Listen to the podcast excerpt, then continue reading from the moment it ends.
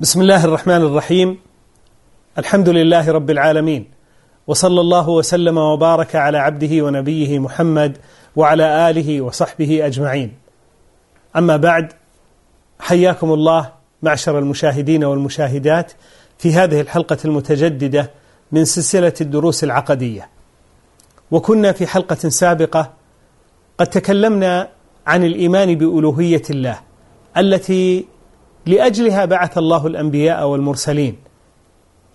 كما قال سبحانه وما أرسلنا من قبلك من رسول إلا نوحي إليه أنه لا إله إلا أنا فاعبدون. ونقيض التوحيد هو الشرك الشرك في عبادته سبحانه. والشرك يقع في الربوبية ويقع في الألوهية ويقع في الأسماء والصفات.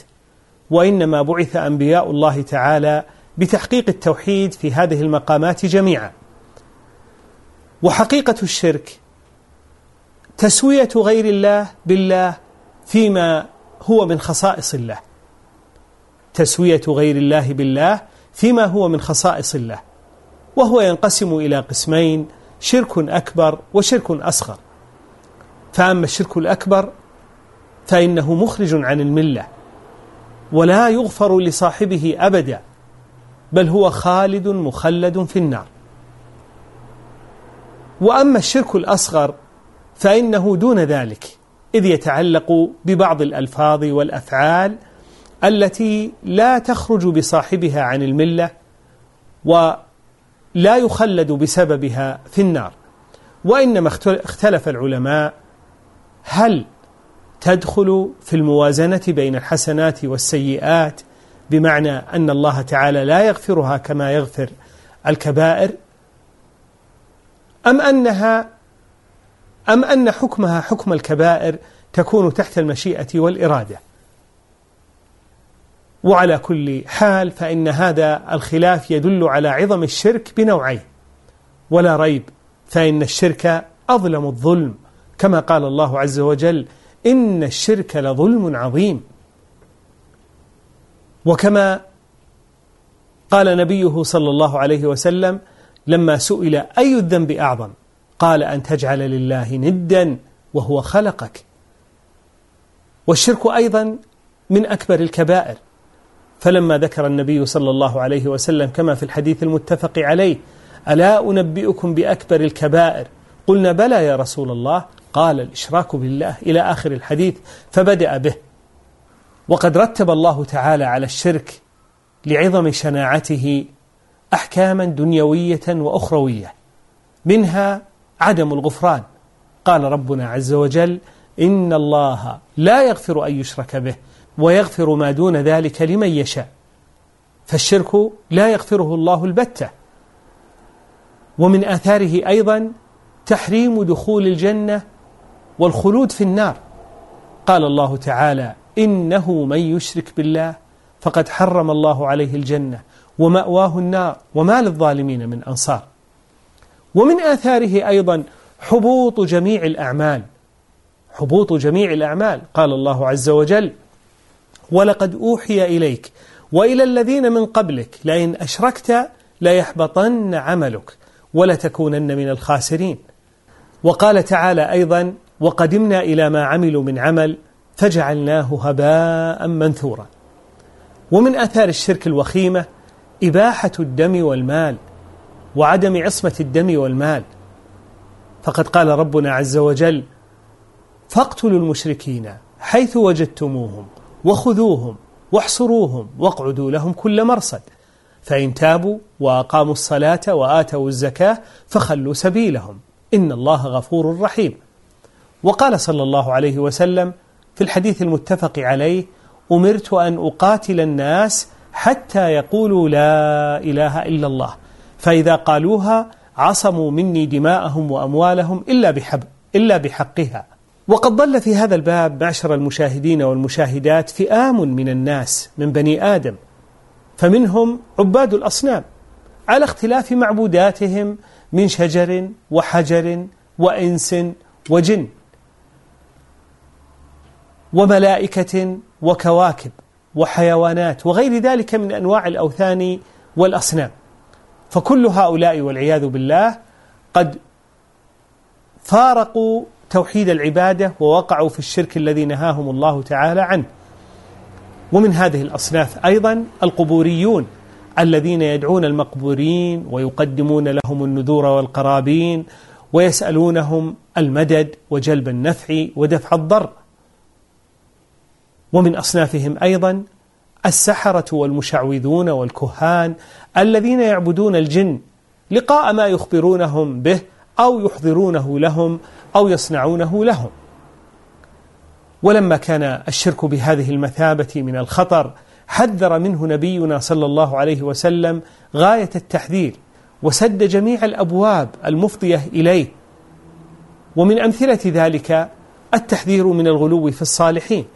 فقد قال صلى الله عليه وسلم إياكم والغلو فإنما أهلك من كان قبلكم الغلو. رواه الإمام أحمد والترمذي وابن ماجه. وقال في حديث آخر لا تطروني كما أطرت النصارى ابن مريم إنما أنا عبد فقولوا عبد الله ورسوله. رواه البخاري.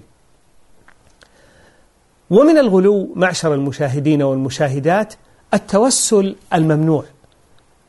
والتوسل الممنوع نوعان. توسل شركي مخرج عن الملة وهو دعاؤهم من دون الله في قضاء الحاجات وكشف الكروبات. وهناك توسل بدعي وهو التوسل إلى الله بما لم يشرعه الله كالتوسل بذوات الصالحين أو جاههم أو حقهم أو حرمتهم ونحو ذلك. فكلا النوعين ممنوع وإنما يكون التوسل المشروع بالإيمان بالله أو باسم من أسمائه أو صفة من صفاته أو بعمل صالح يقدمه كما وقع للثلاثة الذين انطبقت عليهم الصخرة. أو طلب الدعاء من عبد صالح كما قال عمر رضي الله عنه اللهم إنا كنا إذا أجدبنا توسلنا إليك بنبينا فتسقينا وإنا نتوسل إليك بعم نبينا فاسقنا. رواه البخاري.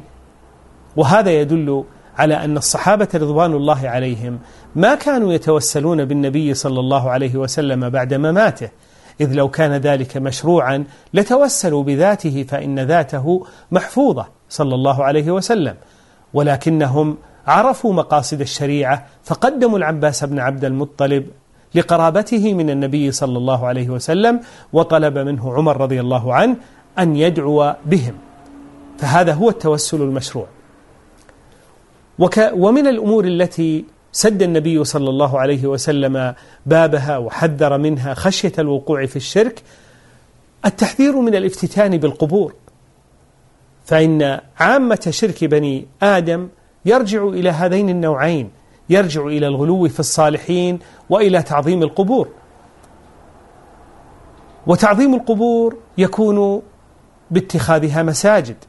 فعن عائشة رضي الله عنها قالت لما نزل برسول الله صلى الله عليه وسلم طفق يطرح خميصة على وجهه فإذا اغتم كشفها فقال وهو كذلك أي في تلك الحال العصيبة التي يعاني فيها سكرات الموت قال لشدة شفقته على أمته وخوفه عليهم لعنة الله على اليهود والنصارى. اتخذوا قبور أنبيائهم مساجد. تقول عائشة رضي الله عنها يحذر ما صنعوا ولولا ذلك لأبرز قبره غير أنه خشي أن يتخذ مسجدا متفق عليه. وقال أيضا ألا وإن من كان قبلكم كانوا يتخذون قبور أنبيائهم مساجد. ألا؟ فلا تتخذوا القبور مساجد فإني أنهاكم عن ذلك رواه مسلم. ومعنى اتخاذها مساجد أي قصد الصلاة عندها وإن لم يبنى عليها مسجد فإن المسجد هو موضع السجود. ومن صور التحذير من الافتتان بالقبور تحريم البناء عليها وأن يزاد عليها غير ترابها وتدسيصها فعن أبي الهياج الأسدي رحمه الله قال قال لي علي بن أبي طالب رضي الله عنه ألا أبعثك على ما بعثني عليه رسول الله صلى الله عليه وسلم ألا تدع تمثالا؟ إلا طمسته ولا قبرا مشرفا إلا سويته. رواه مسلم. وعن جابر بن عبد الله رضي الله عنه قال نهى رسول الله صلى الله عليه وسلم عن تجصيص القبر وأن يقعد عليه وأن يبنى عليه بناء. رواه مسلم. فيدخل في ذلك عقد القباب عليها وتزويقها وزخرفتها. وكثير من الناس وللأسف يشكل عليه وجود وجود قبر النبي صلى الله عليه وسلم في مسجده. فيظن أن وضع القبور في المساجد مشروع. وما علم أن النبي صلى الله عليه وسلم إنما دفن في حجرة عائشة رضي الله عنها ولم تكن من المسجد. لكن لما زيد في المسجد من من الجهة الأمامية بدأ وكأنه داخل المسجد فصار العامة مع تقادم العهد يظنون ذلك ويصنعون ذلك في بلدانهم. ومما حذر منه النبي صلى الله عليه وسلم من وسائل الشرك التحذير من مشابهة المشركين وأهل الكتاب في اعتقاداتهم وعباداتهم وعاداتهم المختصة بهم. فقد قال صلى الله عليه وسلم خالف المشركين متفق عليه. وقال أيضا خالف المجوس رواه مسلم. وقال خالف اليهود رواه أبو داود.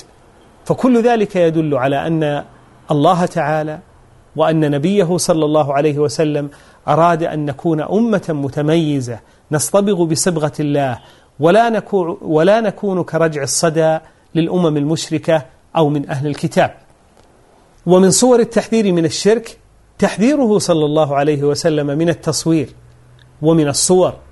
فعن عائشة رضي الله عنها أن أم سلمة رضي الله عنها ذكرت لرسول الله صلى الله عليه وسلم كنيسة رأتها بالحبشة إذ كانت أم سلمة من المهاجرات الأول إلى أرض الحبشة وبلاد الحبشة كانت إذ ذاك بلاد نصارى.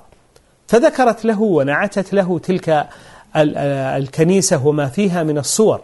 فقال صلى الله عليه وسلم أولئك شرار الخلق أولئك إذا مات فيهم الرجل الصالح بنوا على قبره مسجدا وصوروا فيه تلك الصور. أولئك شرار الخلق عند الله متفق عليه. ومن ذلك أيضا التحذير من الألفاظ الشركية. ولهذا صور متعددة تتعلق بالشرك الأصغر كالحلف بغير الله فقد قال صلى الله عليه وسلم من حلف بغير الله فقد كفر أو أشرك رواه الترمذي. ومن ذلك أيضا التسوية في المشيئة. فقد قال فقد نهى صلى الله عليه وسلم وأنكر على رجل قال له ما شاء الله وشئت فقال أجعلتني لله ندا؟ قل ما شاء الله وحده رواه النسائي. ومن ذلك أيضا إسناد الفعل الكوني إلى غير الله لقوله تعالى في الحديث القدسي وأما من قال مطرنا بنوء كذا وكذا فذاك كافر بمؤمن بالكوكب. ومن ذلك أيضا التحذير من الأعمال الشركية التي تثبت سببا لم ينصبه الله سببا. فمن ذلك لبس الحلقة والخيط في اليد أو العنق سواء على الأطفال أو في الدواب لدفع البلاء أو رفعه ففي حديث عمران بن حسين رضي الله عنه أن النبي صلى الله عليه وسلم رأى رجلا في يده حلقة من صفر يعني من نحاس. فقال ما هذا؟ قال من الواهنة. قال انزعها فإنها لا تزيدك إلا وهنا فإنك لو مت وهي عليك ما أفلحت أبدا. وكذلك تعليق التمائم والودع والأوتار والقلائد لدفع العين لقوله صلى الله عليه وسلم من تعلق تميمة فلا أتم الله له ومن تعلق, ومن تعلق ودعة فلا ودع الله له رواه الإمام أحمد. وكذلك أيضا الرقى والعزائم الشركية والتولة التي تحبب المرأة لزوجها أو تحبب الزوج إلى امرأته وهو ما يسمى بالصرف والعطف. ففي الحديث أن النبي صلى الله عليه وسلم قال إن الرقى والتمائم والتولة شرك رواه أبو داود. فكل هذه الأفعال وما شابهها مما يفضي إلى الشرك قد نهى عنه النبي صلى الله عليه وسلم وسد الأبواب المفضية إليه.